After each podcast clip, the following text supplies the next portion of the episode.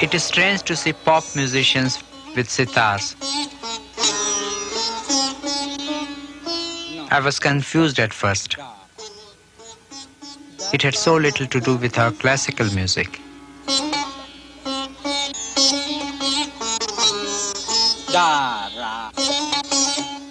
When George Harrison came to me, I didn't know what to think. But I found he really wanted to learn. I never thought our meeting would cause such an explosion. That Indian music would suddenly appear on the pop scene.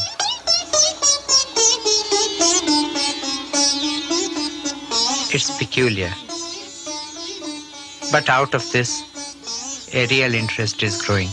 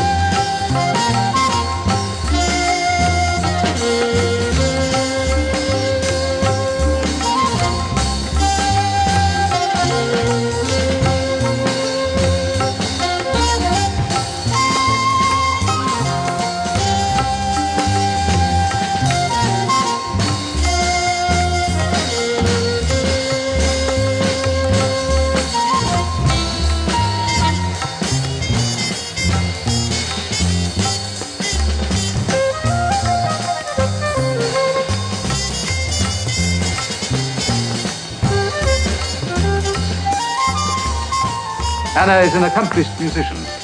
Quite brilliant, in fact. Aren't you, Anna? She's shy. Do you like music, Mr. Spaulding? Well, I like a good tune, yes. A good tune.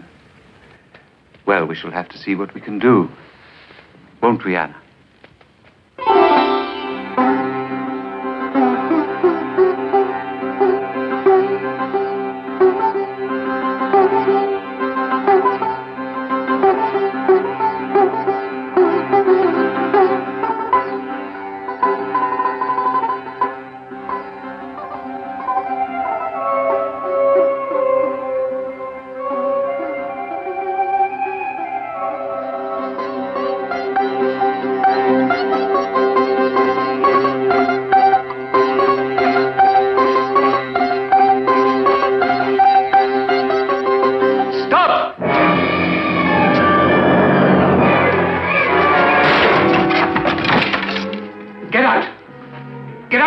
Out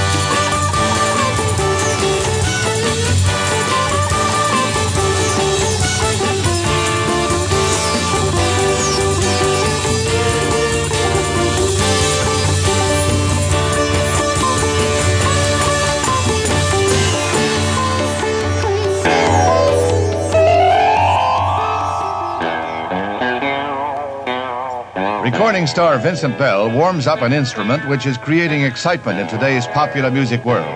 It's an electric sitar invented and designed by Mr. Bell. It produces the new exotic Eastern sound first introduced by the Beatles. Stand by for a take. This electrified sitar is easy to play. If you play guitar, you can play the sitar. Mr. Bell demonstrates recording Happy Feeling for a new Decca album.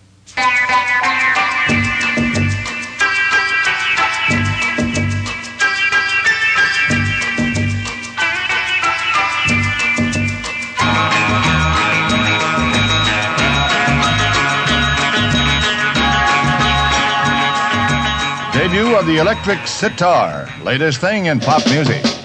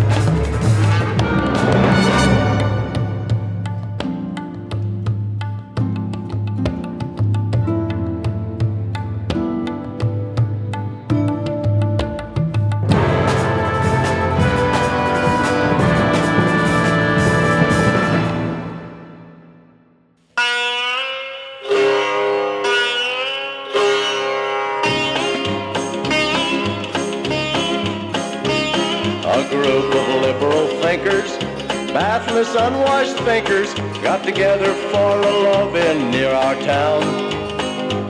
There were rows and rows of hippies, some chippies and some jippies, at the day trippers, wine sippers, society spurners, card burners, liberal thinkers, love-in near our town.